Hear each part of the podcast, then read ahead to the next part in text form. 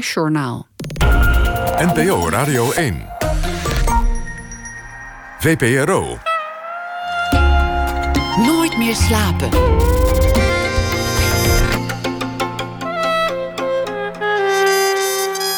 Met Atze de Vriezen. Goedenacht en welkom bij Nooit meer slapen. Ooit, lang geleden, toen kunstenaar en fotograaf Jan Hoek nog een klein jongetje was, liep hij eens een zwerver tegen het lijf. Je weet wel, zo iemand met 16 lage kleren over elkaar. En de meeste kinderen denken dan, wat een enge man. Heel het succes van Home Alone is daar zo'n beetje op gebaseerd. Maar hij dacht, wat een creatieve figuur, wat een interessante man, iemand met een eigen stijl. En daar begon zijn liefde voor de outsider, de verschoppeling. Hij kwam erachter dat zulke figuren over de hele wereld bestaan en dat ze overal mateloos fascinerend zijn. En zijn werk is inmiddels een bonte stoet van junks, transgender sekswerkers, Nigeriaanse gothics, fascinerende mensen die hij niet alleen portretteert, maar met wie hij ook graag intensiever samenwerkt, de rollen omdraait, hun creativiteit de vrije loop laat. Mooiste voorbeeld daarvan is zijn oppaskind van meer dan twee decennia, Bruin Parry, die Down-syndroom heeft, maar ook kunstenaar wil zijn en mooie dingen maakt. En waarom zouden die twee niet samen kunnen gaan? Dit weekend hangt zijn werk op de kunstbeurs Unseen Amsterdam in de gashouder en tegelijkertijd tuigt hij in Sexyland Outsiderland op. Dat klinkt mooi, Outsiderland. Leuk dat je er bent, Jan Hoek. Dankjewel. Welkom. Eerst even, je was uh, een, uh, een halfjaartje geleden zo'n beetje te gast bij onze vrienden van Kunststof. En je vertelde daarna dat je een, iets meemaakte wat volgens mij iedereen bijna allemaal wel een keer meemaakt. Dat je een soort van door een glazen deur loopt. Maar jij liep met je oog in een cactus ja, en ik heb die cactus weer gezien vandaag. Dus het was Hier in een het heel gebouw spannende reenactment voor mij vandaag. Ja, ik was nog met die redactie aan het praten. En, en je had zo'n cactus met van die hele puntige blaadjes. En toen draaide ik mijn hoofd zo met een ruk om... om in één keer door te stappen in de taxi. En toen stond daar zo'n zo'n zo'n puntig blaadje... wat precies in mijn oogbol prikte. En in het begin dacht ik, nou, het valt, het valt wel mee. Maar toen ging het knipperen steeds meer pijn doen. En vooral toen ik wakker werd, ik had de dag daarna opening. Een persopening, toen dit zoveel pijn dat ik aan het huilen was... toen moest ik toch echt eerst naar de dokter. toen kreeg ik zo'n zo'n piratenlapje, wat ik wel weer heel leuk vond. Lijkt me wel. Wat echt wel heel cool was. Mm ja. En ik mocht ook kiezen met plaatjes erop en, en, en, en dat soort dingen. Dat, dat vond ik nog leuker. Um, maar ik kan me voorstellen dat je dan even een knijpt. Je bent fotograaf, je, je, je, je, je oog is eigenlijk alles. Oh nee, ik geef helemaal niet zoveel om. Ik ben fotograaf en mijn oog is alles. Um, ja, dan kijk ik met mijn andere oog. Ja, is het zo simpel? Um, ja, ik bedoel, voor andere fotografen niet, denk ik. Maar voor, mij wel. Van, volgens mij is dat oog dan ook iets heel technisch. Van dat je dan zo goed mogelijk moet kunnen zien. Of zo goed mogelijk scherp de diepte moet kunnen zien. Of zo. Maar bedoel, het interesseert mij ook niet zoveel met wat voor camera ik fotografeer. En of ik nou helemaal scherp zie of niet. Of dat soort dingen. Dat is toch niet de essentie van wat ik, van wat ik doe. Wat is, wel de, wat is dan wel de essentie? Ik denk ja, dus wel dat je mensen echt ziet. Maar het echt zien van mensen gaat niet per se over goede ogen hebben. Dat gaat eigenlijk meer over niet wegkijken. Um, en dat gaat meer over um, uh, rustig mensen de kans geven. Of dat gaat er meer over dat je um, misschien eerst denkt dat iemand eng is. En dat je ja, besluit tot niet meer te denken. Of, ja, of misschien wel begint dat wel met gewoon helemaal nooit denken dat mensen eng zijn. En gewoon iedereen. Ont ja, dus het gaat veel. Het is veel meer een, een, een, een attitude dan. Het is minder een fysieke handeling. Het hoeft. Ja. Het kijken. Ja, ja. Hebben de collega's van het andere radioprogramma dat aan jou verteld? Nee, je was uh, bij uh, Zes Uur Cultuur, zo'n heel lang cultuurprogramma aan het eind van het jaar. En daar, was ik, daar vertelde je dat inderdaad. Ja, ja. Maar dit, uh, ja, dat was een, een wandelganger-incidentje letterlijk. Ja. Is het iets typisch voor jou om zoiets te overkomen? Um, nee. Nee, eigenlijk niet. Ik, ik, ik, ik, um, nou, zo'n ooglapje vond ik wel typisch voor mij. Maar omdat ik het gewoon wel vond dat dat me heel goed stond. Um, of gewoon me wel paste. Um, maar ik val bijvoorbeeld ook bijna nooit van mijn fiets. Of dat soort dingen. Um, nee, dus ik vond het eigenlijk heel onatypisch mij. ja, volgens mij zijn mensen altijd gewend als er iets misgaat... om dan altijd te zeggen van, oh, echt typisch, ik Ja. de sleutels kwijtraken. Maar iedereen la- is in dit raakt sleutels kwijt. En iedereen, eens in de zoveel tijd overkomt je zoiets... dat je met je oog in een, in een plant komt of zo. Of ik weet niet, dat vind ik ehm, eigenlijk voor niemand echt heel typisch. Het wordt meer echt typisch, vind ik meer van... ehm, op het moment dat- je zegt... Oh, nu heb ik weer mijn huis vergokt of zo. Van dan wordt het typisch iets voor iemand. Of nu ben ik weer met een nymphomaan getrouwd. Ehm, of zo. Ik bedoel, dan gaat het iets over je karakter zeggen. Maar zo'n zo'n plant in je oog. Ja, ja. ja. Ben je zuinig op je lichaam? Ja, dat eigenlijk wel. Ik bedoel, ik vind dit al heftig. Om dat ik hier nu na twaalf moet, Ja? ja? moet, ik moet. Ik moet helemaal niks. Maar bedoel dat ik het toch Het een besloten eer dat heb. je toch, toch, ja, dat toch ik het bed getrotseerd hebt. Ja. Ja, want dat ik de vorige keer bij kunststof zat, dat was ook echt. Ik mocht toen kiezen of ik hier kwam of bij kunststof.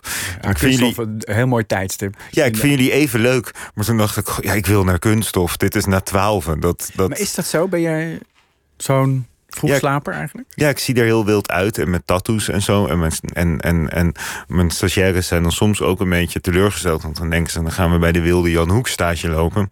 Maar Wilde Jan Hoek wil altijd vroeg naar bed en die drinkt geen drank. En is eigenlijk helemaal geen fun aan. Dus dan moeten de stagiaires met elkaar feest gaan vieren zonder mij. Ja. Ehm, maar ik ben dan niet zo rock'n'roll als ik lijk. Ja, want ik, ik, moet, als, je, als ik dan denk aan eh, zorgen voor je lichaam, zuinigen op je lichaam, moet ik denken aan de krassen die je zelf volop in je lichaam hebt laten zetten. Dat zijn die tatoeages. Mhm. Jou- jouw lichaam is wat dat betreft een, een, een expositie van anderen eigenlijk. Mhm. Ehm, Dan zorg je toch juist heel goed voor je lichaam. Zeker. het heel mooi gemaakt. ja, maar het zijn ook natuurlijk een soort krassen die je erin laat zetten. Als, als ware het. Ja, zo eh, zien moeders dat. Ja. Ja. Jij niet? Nee, ik heb het mooier gemaakt. En dan met elke tatoeage maak je het. bedoel, het, het geeft eigenlijk aan dat je er heel veel zorg aan geeft. Want het gaat echt zo puntje per puntje. En al die verschillende mensen die allemaal met zoveel concentratie dan, dan, dan, dan, dan in mijn lijf met dat hele kleine vla- vlakje bezig zijn om te proberen dat zo goed mogelijk te krijgen. Als zij maar vinden dat dat moet. Ja, je hebt natuurlijk ook heel veel. Het idee achter jouw tatoeagecollectie is dat je mensen hebt gevraagd: maak een zelfportret. Daarmee vraag je eigenlijk misschien nog wel meer liefde van een tatoeëerder op je lichaam te brengen dan, dan een passant die gewoon een, een designtje aanlevert, lijkt me. Ja, ze moeten allemaal zichzelf representeren. Dus iedereen moet er ook over nadenken: wie ben ik dan? En, en op wat voor manier geef ik mezelf nou het allerbeste weer? Dus je ziet ook een soort heel overzicht hoe verschillende tatoeëerders uit de hele wereld zichzelf willen zien. En de een maakt zichzelf wat dunner, de ander maakt zichzelf wat dikker. De een maakt zichzelf wat abstracter. De een wil heel erg juist wel in beeld, dat het heel erg herkenbaar is. En de andere is er veel gelukkiger mee van: ah ja, ik doe eh, een soort brei van abstracte tekens. En dat, dat ben ik. Die, die, die leeft bij een soort dat mysterie. En dat is heel leuk, dat iedereen opeens het verhaal van zichzelf in één plaatje moet gaan vertellen. En je ziet wel echt, en dat vind ik het leuke van mijn project, omdat toch iedereen ijdel is. Of je nou een abstracte versie van jezelf doet of niet. Dus met deze wil iedereen wel echt dat dat dan de beste tattoo wordt die je maar kan maken. Dat lijkt me, ja. En verandert dat project ook door de jaren heen? Want er zijn natuurlijk steeds meer plekken al gevuld. En dus is er ook steeds meer discours, als het ware, waar een nieuwe tattoo bij aan kan of moet, of juist helemaal niet hoeft te sluiten. Nee, er is juist minder parcours. In het begin was ik heel streng. Dat ik ehm, echt vond dat het maar één tatoeëerder per land moest zijn. En dat die tatoeëerder ook compleet random gevonden moest zijn. Of, ja, of gewoon de eerste tegen wie ik aanbod. Van je gaat gewoon op zoek naar een tatoeëerder. En diegene die je dan tegenkomt, dat is het. En ehm, ja, en in de loop der jaren heb ik, ben ik eigenlijk juist wat losser geworden. Dat ik na een tijdje dacht, nou oké, dan in Nederland mogen we verschillende steden doen. En dan doen we Amsterdam, en dan doen we ook Den Haag, en dan doen we ook Utrecht. Maar na een tijdje kwam ik toch nog iemand uit Amsterdam tegen. Ja, daar woon je dan nou eenmaal. En dan heb ik er nu toch wel een aantal uit Amsterdam. En nu ben ik toch soms ook wel een beetje aan het kiezen. Na een tijdje kreeg ik stagiaires die ook tatoeëerden. Dan zei ik, nou, hè, wil je ook een zelfportret? Dan, ehm, dan mag dat, ja, of die wilde dat dan heel graag. En dan zei ik, natuurlijk joh, kom, er, kom erbij. Um, dus ik word wel steeds minder, maar, minder streng. Maar het moeten zelfportretten blijven. En ik word nu meer dat ik gewoon denk van... Ah, ik zie allemaal lege plekjes waar nog portretten moeten. Dus ik heb nu ook meer van hup, hup, hup, tempo. ik heb... Je hebt nog wel even, toch? Ja, ja. Nou ja, in het begin zie je wat je wel hebt. Maar nu denk ik zo, mijn pols moet wat nog, hier moet nog wat. Um, en nu wil ik het gewoon gevuld. Dat, dat is denk ik misschien eerder het obsessieve in mij. Dat als ik dan iets verzin, dan, um, uh, dan, dan krijg ik het niet meer uit mijn hoofd. En dan wil ik na een tijdje dat het gedaan wordt. Um, en dan ga ik daar net zo mee hard aan de slag totdat dat zo is. En dan moet je weer iets nieuws verzinnen. Ja, en tatoeage is natuurlijk eigenlijk een hele specifieke vorm van kunst exposeren op het lichaam. Het is natuurlijk een hele oude vorm, maar tegelijkertijd een hele specifieke vorm ook. Je bent daar heel erg mee bezig. Ik was op een scene, uh, gisteren kwam ik even langs. Je hebt daar een expositie die eigenlijk niet zozeer draait om uh, het, het exposeren van de foto's, maar eigenlijk van de manier waarop je die exposeert. Met allerlei bijzondere uh, frames en dus, dus, er hangt ergens een pizzapunt met daarin, als je goed gaat kijken, ook nog een foto. Mm -hmm. Maar het gaat eigenlijk om het frame. Ben je, ben je het daar gaat al... om alle twee. Alle ja. twee, ja. En de combinatie ook, die of elkaar het gaat eigenlijk versterken. om, om het even spannend te maken. Want ik denk wel in mijn fotografie ging het eigenlijk wel altijd om de foto en de mensen die daarop staan en het verhaal wat je met hun aangaat. En, um, en, en ja, dat zijn soms ook echt projecten waar ik jaren mee bezig ben. Totdat je dan de beste foto. Het gaat nooit om één foto, maar waarin ik wel geloof dat hoe beter je iemand leert kennen en hoe, hoe, hoe uh, dieper datgene is wat je bent aangegaan, hoe beter de foto is. En daarbinnenin voelde ik heel veel vrijheid om dan met. Uh, ja, bijvoorbeeld Kim, die dan heel lang verslaafd is geweest op vakantie te gaan, terwijl zij nog nooit op vakantie is geweest. En om dan naar een vijf sterren hotel te gaan, of om naar, op de Bonnefoy naar Zuid-Afrika te reizen met Duren, omdat we één plaatje van een vrouw hebben gezien, die we er, een transsekswerker, die we er zo te gek uit vonden zien, dat we dachten, we moeten haar vinden, zij moet onze muze worden. En dan zat er een hele groep omheen. En, en daarin. Um, ja, voel ik me wel echt vrij dat ik het gevoel heb van ja, daar, daar, daar mag je echt doen wat je wil. En dan was het altijd zo dat met beurzen als een scene of met fotobeurzen of eigenlijk sowieso met fotografie, dan had ik die foto gemaakt en dat was dan leuk. En dan was het van en nu moet je het gaan inlijsten. En dan met dat inlijsten was het altijd van ja, dan moet je eigenlijk museumglas, want dat spiegelt niet en dat is dan beter. En dan wordt het allemaal regels weer waar je tegenaan loopt. Ja, toen waren er weer allemaal regels. En dat frame wordt dan dus ook echt letterlijk een, een, een, een, een, een begrenzing, een bekadering, wat het natuurlijk ook is. En toen kwam ik op uh, de eindexamen tentoonstelling van de KBK. En daar zag ik het werk van Tommy Smits.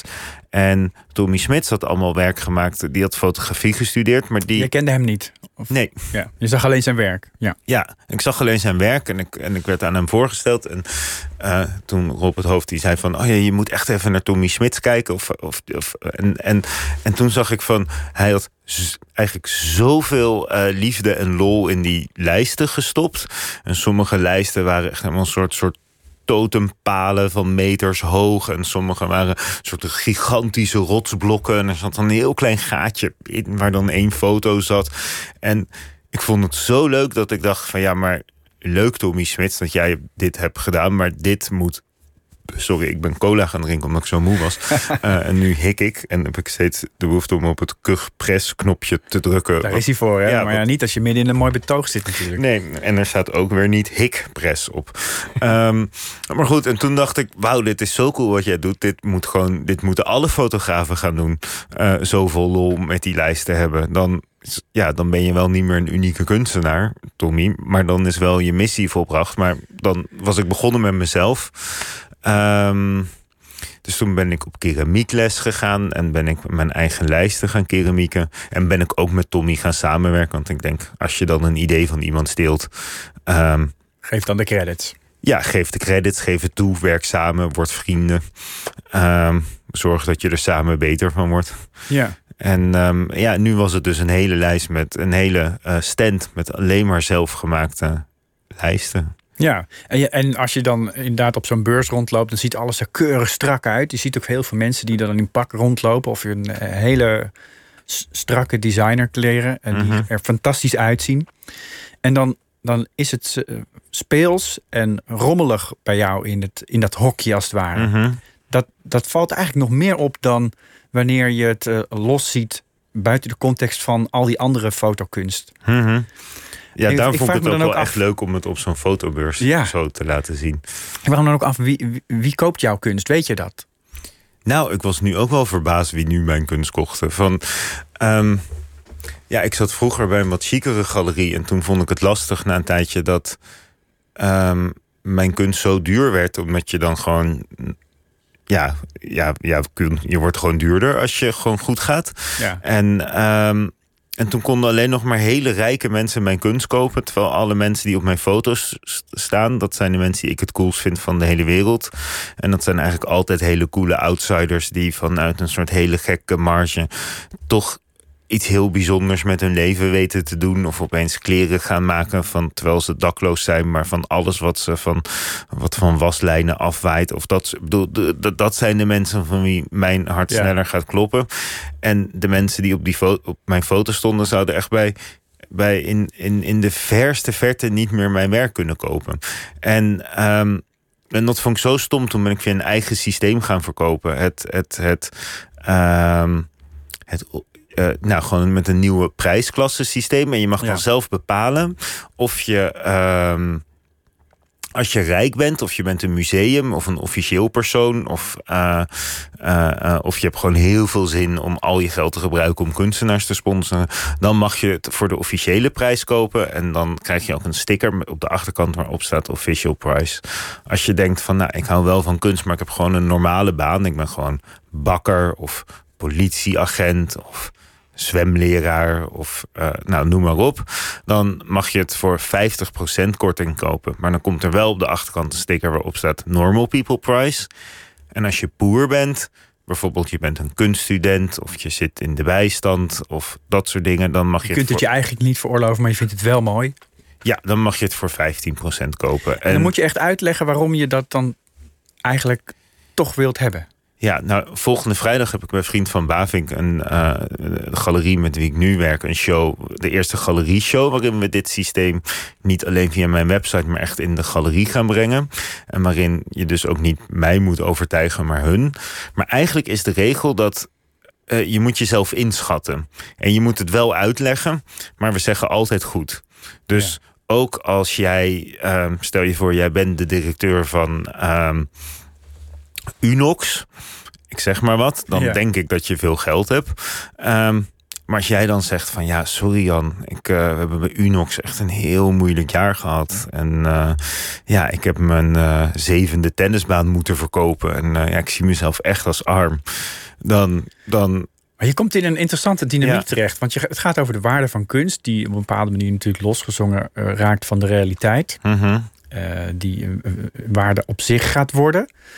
Eh, maar je, je creëert daarin eh, eigenlijk, je doel is eh, een soort nieuwe toegankelijkheid te creëren. En tegelijkertijd maak je ook een soort nieuwe hiërarchie. Dat lijkt me een hele dunne lijn. hoe bedoel je dat ik nieuwe hiërarchie maak? Nou, dat je eigenlijk moet uitleggen aan, aan een galerie of aan jou waarom je eigenlijk als arm persoon toch die kunst verdient. En je zegt van je wil eigenlijk laagdrempelig zijn. Je zegt altijd ja. Mhm. Maar, je, maar je hebt toch al de drempel dat je als arm persoon toch ja, überhaupt het lef moet hebben om uit te leggen dat je dat, je dat, dat, je dat kunstwerk toch waard bent. Nee, je hoeft niet uit te leggen dat je het waard bent. Je hoeft alleen maar uit te leggen dat je niet veel geld hebt. En dat vind ik niks om je voor te schamen. De leukste mensen hebben geen geld. Ik denk eigenlijk eerder dat de rijke mensen zich schamen voor hun geld dan de arme mensen. Ja? Ja. Ehm, ik zou mezelf ook eerder schamen om heel rijk te zijn dan heel arm. Ik zou mezelf gemakkelijker voelen als ik bij iemand anders zou kopen om het. Ja, ik denk misschien wil dan toch iedereen normaal zijn. Ehm, terwijl mijn werk er dan eigenlijk juist om gaat dat niemand dat wil. Daarom vind ik het woord normaal ook met normal people price wel leuk. Maar ehm, ja, ik zit op alle drie wel misschien wel op een bepaalde manier een stigma wat je niet wil zijn. Van je wil niet rijk zijn, want dan ben je een soort. ehm, ja, ik bedoel, ik heb ook rijke mensen die mijn werk kopen. En, ik, en, en, en veel vinden het ook echt vervelend om als rijk gezien te worden. En het idee dat je een soort, soort, soort zak met geld op pootjes bent. Of dat mensen misschien alleen daarna naar je toe komen. Of dat jij je dus iets anders daarom kan permitteren dan anderen. En eigenlijk ook, ook, ook veel van, van die rijke mensen vinden het nu ook heel leuk dat nu niet alleen zij, maar ook gewoon andere mensen het kunnen kopen. En. Um, ja, ik hoop misschien ook dat er wel uit mijn werk zoiets spreekt, zeg maar. En dat, dat er zo'n wereldbeeld uitspreekt dat je vervolgens als arm iemand ook niet bang hoeft te zijn om te zeggen dat je arm bent. Want in mijn werk zie je al dat dat. dat het ja, geen taboe is. Dat dat de coolste mensen van de wereld zijn, vaak. Ja, ja. je bent daar in de loop der jaren. Uh, een soort mediatorrol in gaan spelen. Je, je, je, ziet mensen die jou inspireren, die misschien wel zelf niet in staat zijn om hun kunst over het voetlicht te brengen. Dat zijn bijvoorbeeld mensen met een geestelijke beperking.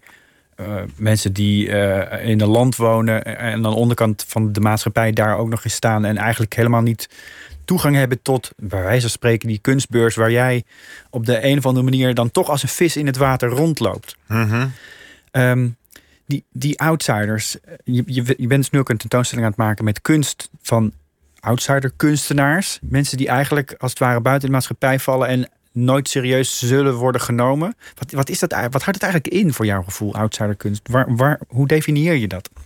Um, nou, er zijn gewoon definities voor. En ik vind eigenlijk die definities niet zo leuk. Hm. Um, want want um, puur sec gezien, zeg maar. Van, van ik maak eigenlijk juist geen tentoonstellingen puur voor outsiderkunst. Van er is een heel systeem al in Nederland. En het zijn allemaal mensen met wie ik samenwerk. En waarvan ik vind dat ze belangrijke dingen gedaan hebben. Waarin outsider art. En, en, en, en, en, en er zijn heel veel termen voor. Special art. Uh, in Frankrijk zeggen ze art brut. Ja. Um, um, en dan, en dan ja, zoals vaker met termen, ze bestrijden allemaal elkaar wat dan de beste term is. En de een vindt outsider art dan uh, stigmatiserend. En de andere vindt art brut dan, uh, dat komt van champagne. dan een beetje moeilijk doenerij. En outsider art juist een geuzennaam. Maar officieel betekent outsider art kunstenaars die zich begeven buiten het officiële kunstcircuit. Um, en in de loop der jaren is dat uh, uh, vaak dus ook kunst geworden van mensen met bijvoorbeeld Down-syndroom of met een vorm van autisme uh, in zo'n mate dat je ook een beetje zorg nodig hebt daarnaast. Er zijn heel veel kunstenaars die in dagbestedingsateliers werken, maar ook dakloze kunstenaars. Maar officieel, als jij in een grot gaat wonen en jij hebt nooit een kunstacademie gedaan en je, en je ontwikkelt daar een soort god tekeningen, stijl maken die verder nooit iemand ziet dan jij en met wie je daar woont. Of je doet dat helemaal alleen, dan ben je ook een outsider kunstenaar. Dus je hoeft niet een handicap of een dakloze achtergrond te hebben. En wat ik. En, en er is eigenlijk heel veel aandacht nu voor outsider art. Er zijn, zijn uh, nou, sowieso heel veel ateliers waar, waar het gemaakt wordt. Veel dagbestedingsateliers. En er zijn galeries en biennales en musea. En in België nog veel meer dan in Nederland. En over de hele wereld heb je dat dus. Dus een soort heel alternatief kunstsysteem. Die allemaal als doel hebben gehad om de outsider art te emanciperen. Of om, om, om, om, om kunstenaars met een beperking een kans te geven. En dat die mee mogen doen. Alleen daar is iets geks gebeurd. Waar met andere emancipatiebewegingen, bijvoorbeeld met binnen de kunst, bijvoorbeeld vrouwen of queer mensen of Afrikaanse kunstenaars, er dan een tijdje in beweging opstaat. En, en, en dan zeggen ze van. Uh, het begint dan wel vaak met je, je claimt een eigen ruimte. En dan. Uh, dan komt er een klein instituut en dan komen er, dan komen er tentoonstellingen, bijvoorbeeld uh, Woman Art of Queer Art Now of African Art Now. En dan vanuit die eigen ruimtes of eigen groepstentoonstellingen vloeit dat door in de rest van de kunst. In de ideale situatie in elk geval, ja. Ja, maar met, met outsider art is het dat er dan allemaal instituten zijn gekomen die zeggen van ja, mensen met een beperking moeten ook kunst kunnen maken. En zijn er allemaal aparte musea gekomen, waardoor dus bijvoorbeeld, ja, ik heb dan een uh, uh, in mijn studio iemand werken, Bruin, die uh, heeft een chromosoom meer dan, dan, dan veel anderen. Ja. Um, En hij is ook kunstenaar. Maar, en, ik, en ik ken heel veel van zijn collega-kunstenaars. Maar het houdt in dat, dat, dat ook al hebben die een enorm oeuvre opgebouwd... ze komen eigenlijk nooit in een groepstentoonstelling in het stedelijk. Want je hebt geen kunstacademie gedaan. Dus het is een beetje alsof er die enorme emancipatiestrijd is gevoerd voor vrouwen. En dan hebben we ze hun eigen musea gegeven. Hun eigen biennales, hun eigen kunsttijdschriften. Maar een vrouwelijke kunstenaar ontmoet nooit een mannelijke kunstenaar. Want er zijn gewoon twee gescheiden kunstwerelden... waarin die elkaar zo goed maar als niet ontmoeten. is dat papiertje van die kunstacademie dan echt zo leidend? Ja, bedoel, Sorry, er dat, zijn dat wel... zei je al voordat de vraag klaar was.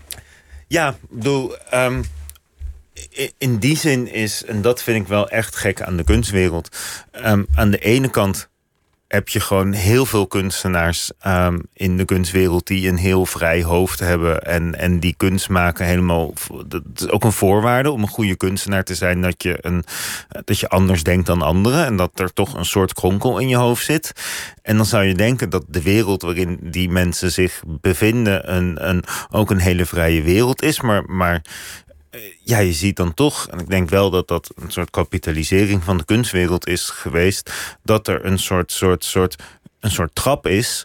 ehm, net zoals in liefdeslevens, zeg maar, van verschillende fases die je moet doormaken eh, eh, eh, tot je bij het eindstation komt. En als dan met liefde kan je dan zeggen van nou, je, je, je zoent, je vrijt, je gaat op date, dat doe je dan eerst. En dan ga je eh, eh, eh, een keer op vakantie en dan ga je samenwonen. En dan komt er Ja. een kind en dan eindig je bij trouwen. Als kunstenaar is het. Je doet een kunstacademie. Je doet mee in een groepshow. Je krijgt een solo-show. Je krijgt een solo-show in een museum. Je krijgt een solo-show in een, in, in een internationaal museum.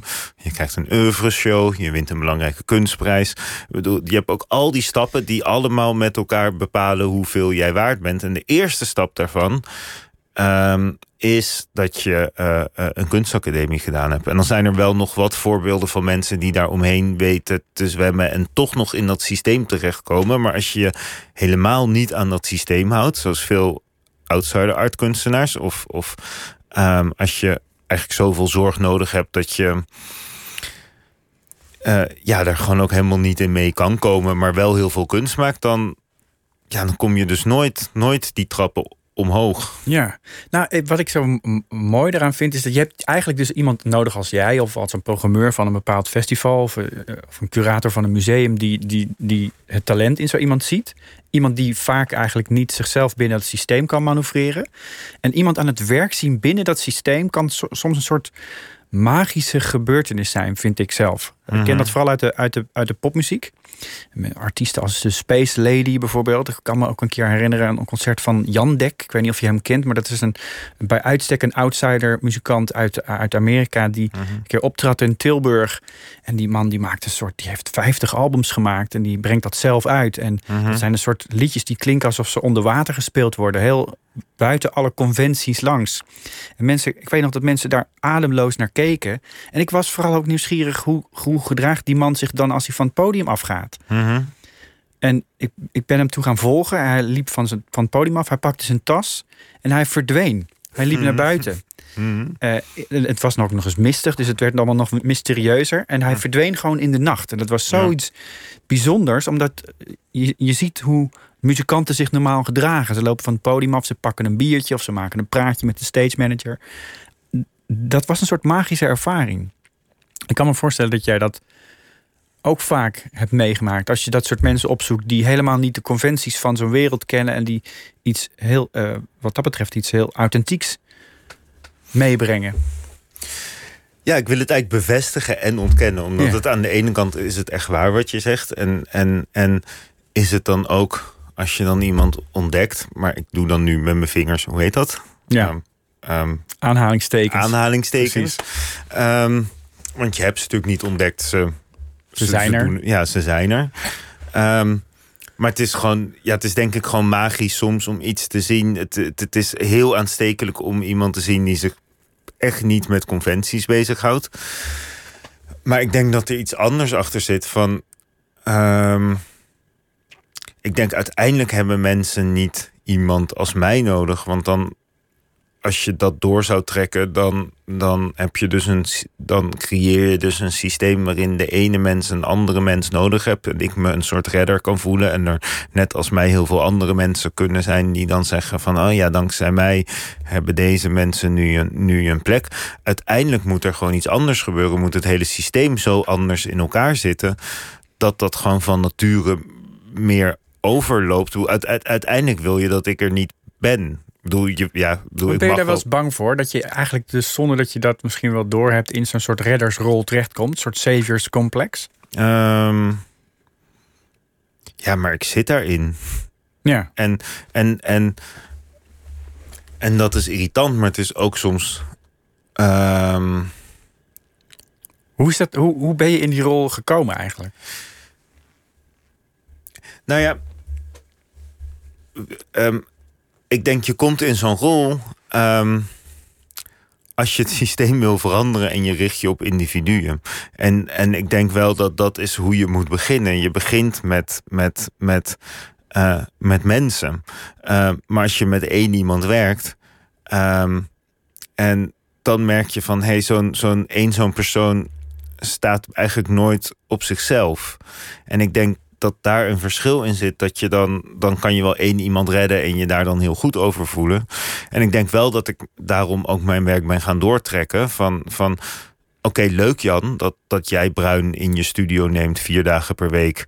Uh, en, en, en hij dus een, een soort kunstpraktijk kan hebben waarin hij veel meer in aanraking komt met ook allemaal andere soorten kunstenaars. Maar er zijn heel veel kunstenaars als Bruin. En ik kan dan wel heel veel schouderklopjes willen hebben, omdat ik dat met Bruin doe. Maar, maar zoals Bruin zijn er honderden, misschien wel duizenden kunstenaars in Nederland. die allemaal om dezelfde reden niet mee mogen doen. En dan wil je dus het systeem veranderen. En uiteindelijk vind ik het systeem veranderen, dan denk ik toch. Nee, ik denk dat je het alle twee moet doen. Je moet een beetje ja, redden klinkt stom, maar je moet geven om de mensen die op je pad komen. En tegelijkertijd um, moet je, nou, je moet helemaal niks. Maar denk ik dat als je iets wil veranderen, als je echt iets voor elkaar wil krijgen, uh, uh, moet je zien dat dat onderdeel van een systeem is wat ervoor zorgt dat je misschien als individu nu alleen maar soms kan zeggen: Oh, ik schuif die naar voren. Van, er zijn meer mensen als ik die dat doen en dat is goed. En die dan zeggen: van deze outsider-kunstenaar moet wel een keer meedoen op een gewone beurs.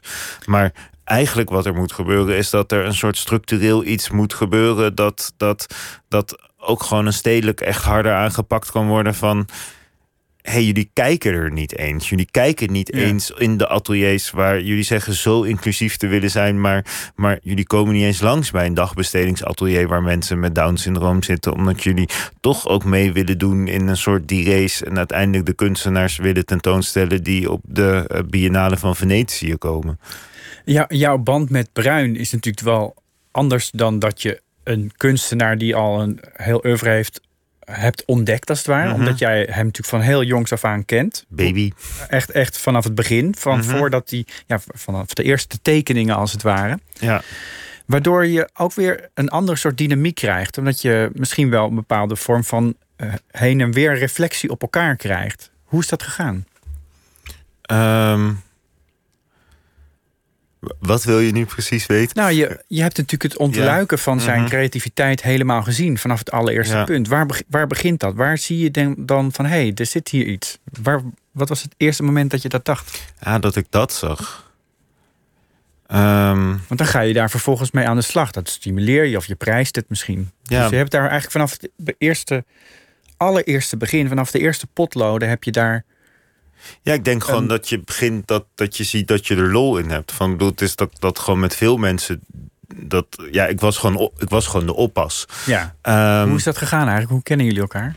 Um, nou, mijn moeder en de moeder van Bruin, uh, Anja, die zaten in een soort jaren negentig, in een soort Sex in the City clubje. En dan gingen zij cocktails drinken.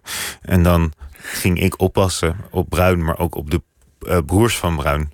En die broers van Bruin werden na een tijdje volwassen ik heb eigenlijk ook nog wel een beetje op ze gepast op een volwassen leeftijd. Dat dat helemaal niet meer nodig was. Maar na een tijdje was het toch wel, oké, nu zijn ze zo lang volwassen. Dan nu slaat het nergens meer op.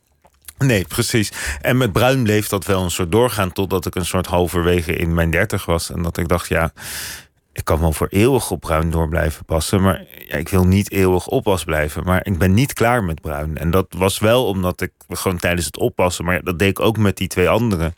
Dan ga je gewoon. Dus ik moet hem een soort baan geven eigenlijk. Ehm, nee, nu is het misschien een moment om te kijken of ik op een, op een andere manier hem betrokken kan krijgen. Maar dat kwam ook omdat hij het altijd heel leuk vond om dingen met mij te maken. En dan had, maar dat is ook al mijn werk. Um, dus dan had maar wat maakt hij? Wat, wat, wat maakt hem een interessante kunstenaar voor jou? Ja, eigenlijk, en dat is ook wel het moeilijke.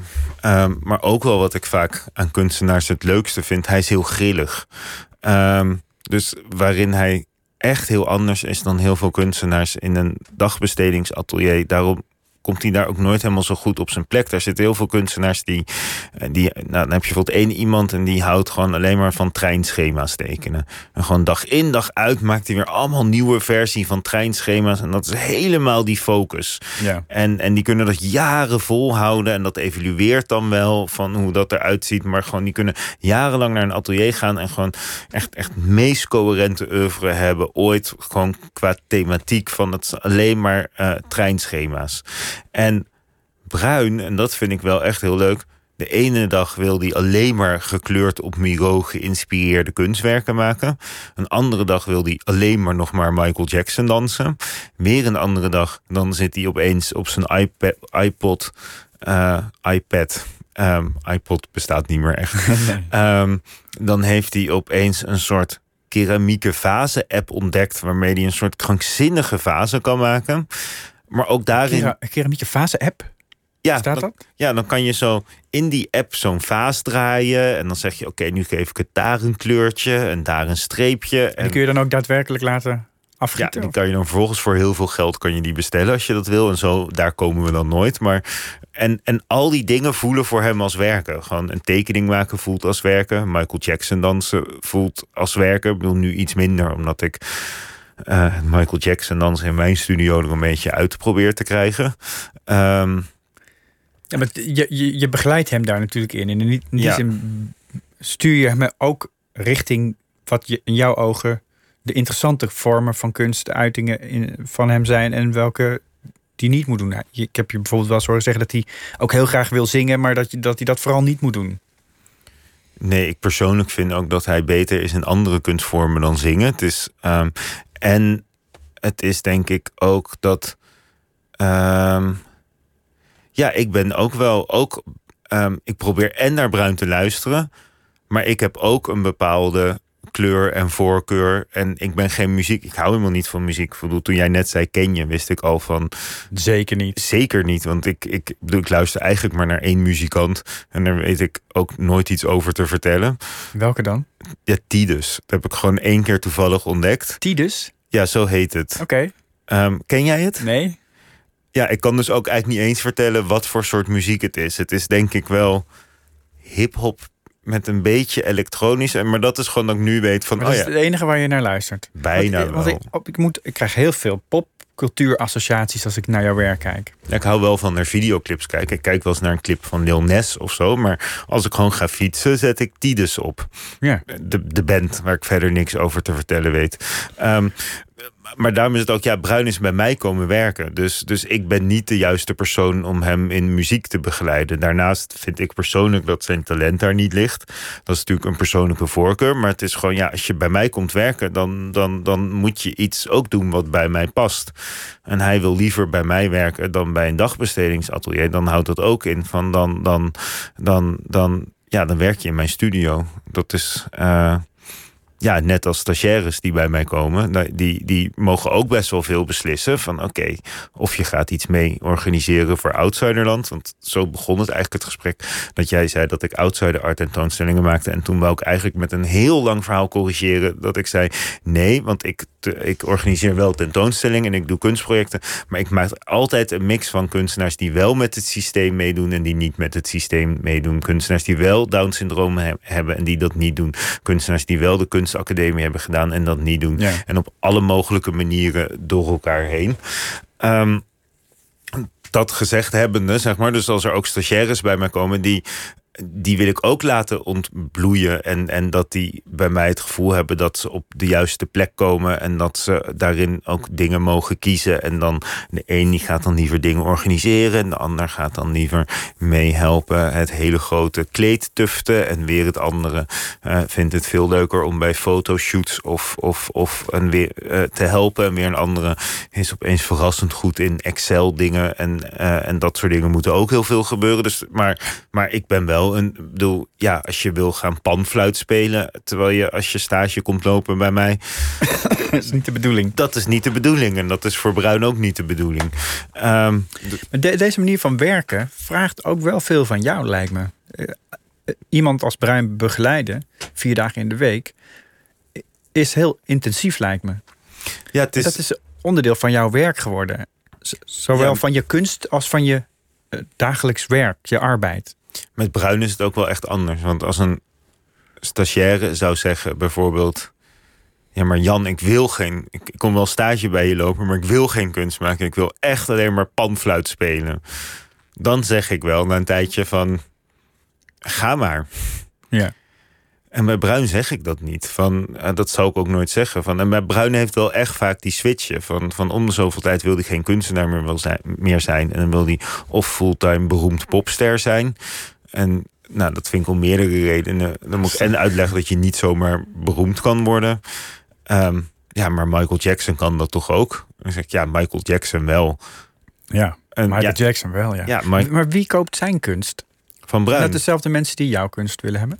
Um, soms wel en soms niet. Het zijn. Uh,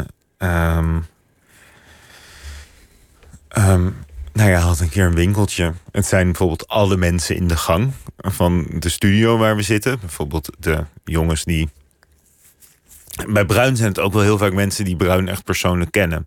Want Bruin iedereen die Bruin kent, vindt Bruin heel leuk. Dus sinds hij bij ons in de studio zit, had hij één keer had hij helemaal zelf bedacht. Dat hij opeens zijn eigen ruimte helemaal omgebouwd tot een winkel. Had hij ook zelf prijzen gegeven. En toen was hij al zijn kunst voor 1 tot 2 euro aan het verkopen. En toen zag ik alle alle andere mensen die bij ons in de gang zaten, die zagen allemaal, ja, wij gaan onze slag slaan. En toen dacht ik wel, shit, ik moet nu wel even snel wat nulletjes achter die getallen zetten. Want dit vind ik eigenlijk niet helemaal de prijzen waarvoor we het moeten verkopen. Um, maar wel wat ik daarin zie, het zijn vaak mensen die gewoon Bruin heel leuk vinden en ook zijn kunst heel leuk vinden. Maar het gaat ook wel echt samen met wie Bruin is. En dat is eigenlijk wat je aan het begin uh, met je betoog dat kijken meer is dan een technische handeling met een oog, mm -hmm. heel belangrijk hebt gevonden. Voor mijn gevoel, die, die langdurige relaties, die, die doen jou eigenlijk het meeste. Mm -hmm. Dat je mensen echt leert kennen. Je, hebt natuurlijk, je liet net al de naam Kim vallen, die, die verslaafde vrouw die je fotografeerde in jouw huis en waar je later veel meer foto's van hebt gemaakt. Die is ook op de een of andere manier heeft hij heel veel indruk op jou gemaakt. Terwijl je daar in eerste instantie natuurlijk helemaal niet aan denkt. Op het moment dat je zo'n project doet, die je denkt, ik ga een verslaafd persoon uh, in mijn huis uitnodigen. En dan, dan is dat een soort concept. Dat is geen persoon, mm -hmm. dat is geen mens. Ja. Het gaat veel meer leven op het moment dat jij die persoonlijke band aangaat. En eigenlijk wil je die persoonlijke band ook door overbrengen op de kijker van je kunst. Je wil die verhalen erbij vertellen. Ja, ik denk wel dat ik dan het hele proces ook mee wil geven. Dus ook dat je gewoon begint met een stom idee. En dat je ook kritisch mag zijn op je eigen ideeën. Maar dat het ook soms niet erg is dat je met een stom idee begint. En dat je dan iemand ontmoet. En dat dan blijkt dat wat jij verzonnen hebt helemaal niet klopt bij die persoon. En dat, dat iemand opeens een soort dromen heeft die helemaal niet in jouw plaatje passen. Dus in het geval van Kim, die bleek al de hele leven uh, te dromen om een supermodel te zijn. Of, en ze was op haar 15 ook heel, voordat ze verslaafd werd, niet snel daarna, volgens mij ook heel even kindmodel geweest. Ja. Um, um, ja, en dan ga je met zo iemand door. En dan. Dan, dan, dan groeit er iets. En dan. Um, maar dat is natuurlijk ook niet altijd zo. Met Kims geval was dat wel echt zo dat. Um, ik had ook het gevoel met Kim van daar was zo'n die zat zo dicht tegen een soort het meest een soort oergevoel aan wat ik ook heel erg kende. Een soort oergevoel waarin je en bang bent voor de wereld en boos bent op de wereld. En eh,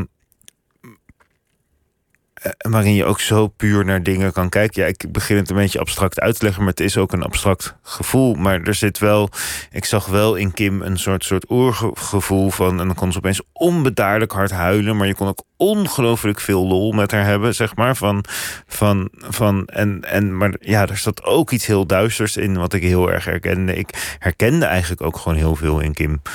Ze was min of meer ook jouw leeftijd, toch? Ja, één jaar ouder. Ja.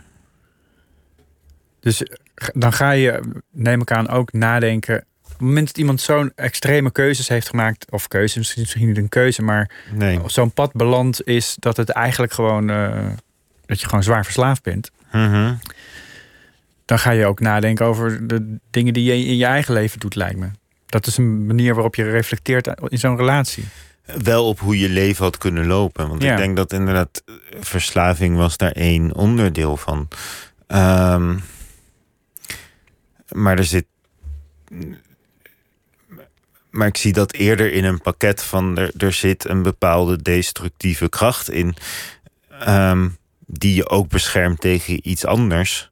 Dus die je ook beschermt tegen een, dat je ja, misschien iemand je pijn kan doen. Of dat je verlaten kan worden. En dan, en dan met zo'n de- destructieve kracht. Om, ja, of, of dat nou gaat om drinken. Of om, om eigenlijk heel continu een heel hard masker te hebben. Of om eh, ja, eigenlijk ja, eh, ehm, ehm, het weert je ook, al die dingen die zij doet. Ehm, en, en, maar het is wel heel destructief, waardoor je na een tijdje ook, ook op straat belandt. En ook echt ongezond wordt. En ook, ehm, ehm, ja, ook wel met onomkeerbare gevolgen. En, en, en ik denk wel dat ik me gewoon met haar er heel erg bewust van ben. Van ja, dat maar net iets anders in mijn leven moeten zijn. En ik was dat misschien ook. Is dat zo? Z- Zou je je dat kunnen voorstellen? Ja. En waar heb, zijn er dan momenten aan te wijzen waar je, waar je denkt van nou, dit, dit is een punt waar het voor mij de goede kant op gegaan is, maar het had ook verkeerd kunnen gaan? Het gaat denk ik meer om dingen dat. Het is misschien hetzelfde gevoel als je in een relatie met iemand zit en je merkt na een tijdje: het is niet meer te redden. En dat je. En dat wat ooit heel leuk was. ehm, en dat je voelt dat dat stukje er nog steeds zit, maar je komt er niet meer bij. En er is alleen maar meer ruzie en meer ruzie. Maar dat, maar dat dat dan niet de relatie is, maar je eigen leven wat zo is geworden. En ehm, ehm, dus ik denk ook. eh, Ik bedoel, en ik leg dit zo uit omdat ik denk dat datgene van die relatie, dat dat iets is wat iedereen misschien wel herkent. En dat dat met je leven gebeurt. Eh, Volgens mij eh, maakt dat dat het iets dichterbij kan komen. Dat ik wel dat gevoel ken van ja, sommige dingen in je leven, die, die, ontglippen je. Ehm, ik bedoel, ik heb ook medicijnen nodig om mijn hoofd goed te laten werken. Als ik geen, als ik geen medicijn heb, dan, dan, dan, dan werkt het hierboven niet. En ook gewoon alleen al dat besef. ehm, komt ergens in de buurt van wat ik ook bij Kim ken. Namelijk gewoon van sommige dingen kunnen je gewoon ontglippen. Dat, dat, dat verzin je niet als je een kind bent. Dat je na een tijdje dus een leven hebt waarin je eh, elke dag een pil moet slikken, omdat je anders gewoon eh, eh, de dagen niet doorkomt als een normaal mens. En, en, en dat is bij Kim in het extreme. Maar er is gewoon wel zo'n zo'n gevoel wat ik wel ken van het kan ook gewoon bergafwaarts gaan. Ehm, en dat vond ik dan eigenlijk ook weer het mooie bij Kim. Dat je ook weer ziet.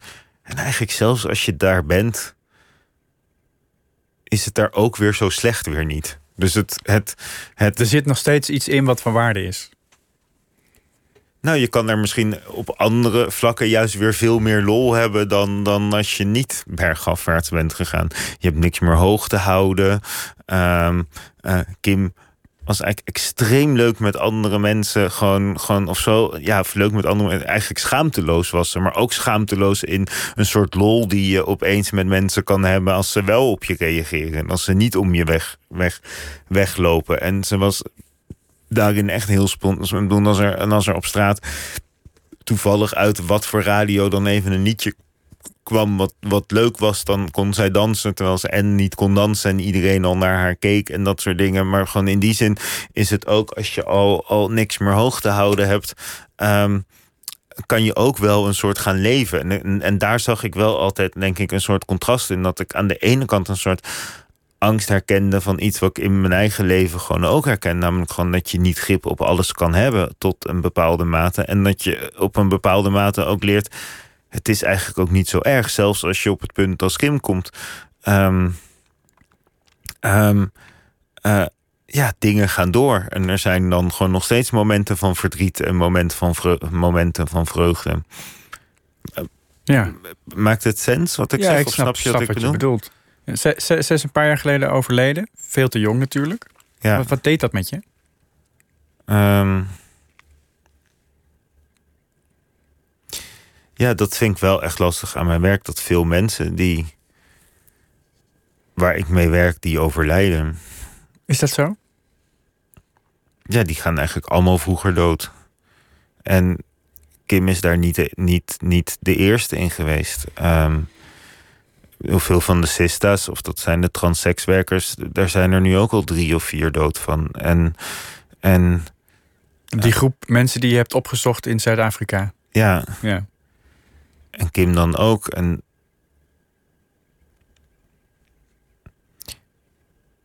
ja, dat raakt me wel, omdat het wel. In mijn leven zijn het wel altijd hun die doodgaan. Zeg maar nooit. Um, nooit jij. Um, of. of um, ja, andere mensen gaan natuurlijk ook wel eens dood. Maar gewoon de mensen met wie ik werk gaan echt heel veel vaker dood. Ja. En dat vind ik wel eng, want dat zijn wel de mensen van wie ik hou. Op de een of andere manier. En het zijn ook de mensen in wie ik mezelf herken op een bepaalde manier. Dus, dus het is. Um, ik, ja, ik vind maakt, dat... je, maakt dat je bang, ook voor jezelf? Ja, ik ben banger dat andere mensen doodgaan dan dat ik dood ga. Van, ik vind het zelf niet zo erg om dood te gaan, maar ik vind het idee dat. Maar ja, ik vind misschien het idee dat alle mensen die zo duidelijk een leven leiden wat zo anders is. dan naast een soort het stigma wat ze hebben, waar ze al voor moeten betalen. En, en, en dat ze er al voor moeten betalen dat ze minder geld hebben en minder macht en dat soort dingen. En dat ze dan ook nog allemaal eerder doodgaan. Um, maar er zit ook wat dat betreft in de mensen die je portretteert, zie je ook die soort kwetsbare balans. Dat is ook dezelfde kwetsbare balans die Kanye West heeft op het moment dat hij fantastisch geniaal is. Mhm. En je ziet dat hij een moment later in een manie zit en uh, allerlei dingen doet die, die niet goed voor hem zijn. En je ziet, je ziet een soort risico op heel snel verval. Je ziet dat het mis kan gaan met die mensen. Het, het, lijkt me ook, wat dat betreft, lijkt het ook wel alsof je dat ene moment wil vastleggen dat die mensen echt heel erg mooi zijn. omdat je ook weet dat ze misschien wel over een jaar dat niet meer zijn. Of dat ze, dat, dat ze de manier waarop ze zichzelf mooi maken op dat ene moment onder controle hebben. Dat ze grip hebben op wat ze zijn. En dat misschien op een ander moment weer verdwenen is. Ja, of dat er dan in ieder geval een soort flow is waarin het geluk even opspeelt, ja. inderdaad. Of ja, dat is, dat is denk ik wel. Want je wil niet hun misère vastleggen. Je wil juist de, de levensvreugde. Dat zie ik in elk geval in de mhm. dingen die je. Je wilt niet de treurigheid vastleggen, maar de, de, de glamour van iemand die zich als een koning op, op straat verkleedt. Of die uh, zich uh, als transsekswerker als een diva eruit ziet. Ja, en misschien... Terwijl ze in een tentje wonen of in een kartonnen doos. Ja, ja dat klopt allemaal wat je zegt. Dat, ja, dat is misschien ook wel een soort verantwoordelijkheid die je dan voor jezelf voelt... om dat de ene moment die, die flash vast te leggen als het ware. Ja, ik weet niet. Ik zit nu alles wat jij zegt te koppelen aan mezelf. dat volgens mij jij dat ook vroeg met de dood. Van ben je dan ook zelf bang om dood te gaan, omdat ik zoveel andere mensen. Ehm, en dan, dan, als je dan nu dit vraagt, dan denk ik van, van ben ik dan ook met mijn eigen leven bang dat ik het nu op het goede moment moet laten flowen of moet En? vastleggen. Ehm,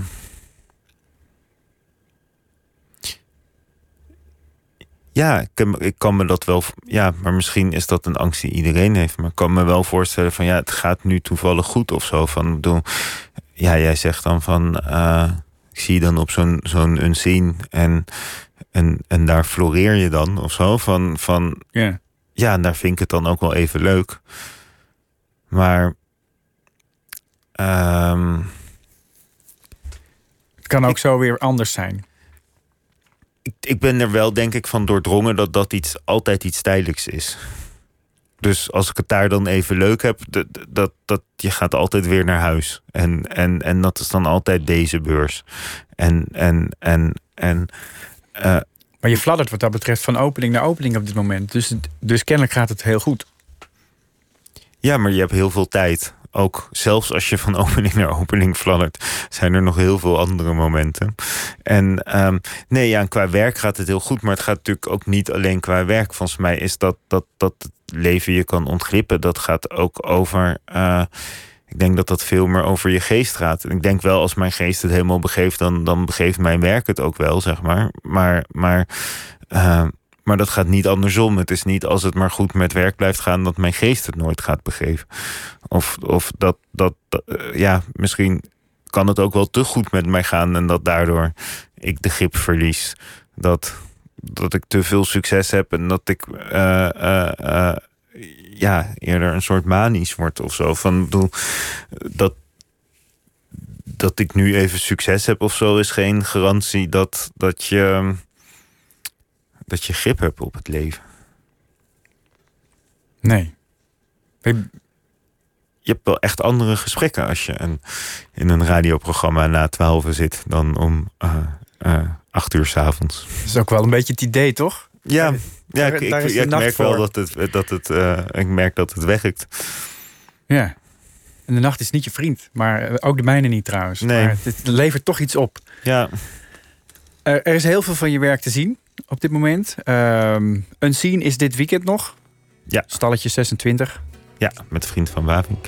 Juist. Mhm. Eh, Outsiderland is eh, te zien in Sexyland. Wanneer is, tot wanneer is dat? Weet je Ja, dat woensdag hebben we een nieuwe opening. En dan hebben we eh, allemaal verschillende samenwerkingen eh, van het project Outsiderwear. Dat zijn allemaal modeontwerpers die met eh eh, outsider kunstenaars van dagbestedingsateliers zijn gekoppeld. Kan je kleding kopen. Het is vier dagen per week open. van, van 2 tot 11. En donderdag is er ook een opening in het Museum van de Geest. Wat we hebben geïnitieerd met Duran Lantink en eh, eh, theatergroep Lebel. Valt ook onder Outsiderwear. En dan eh, de dag daarna, vrijdag, is er bij Vriend van Waving. de Het houdt niet op. Ja, eh, met het sociale eh, koopsysteem. We krijgen weer nieuws. Het, het leven Ja. gaat door. Dankjewel Jan Hoek Nieuws dat je hier er was. dwars doorheen. Het was me een genoegen. En maandag is hier Op Rinske Radio Hillen. 1. Het nieuws van alle kanten.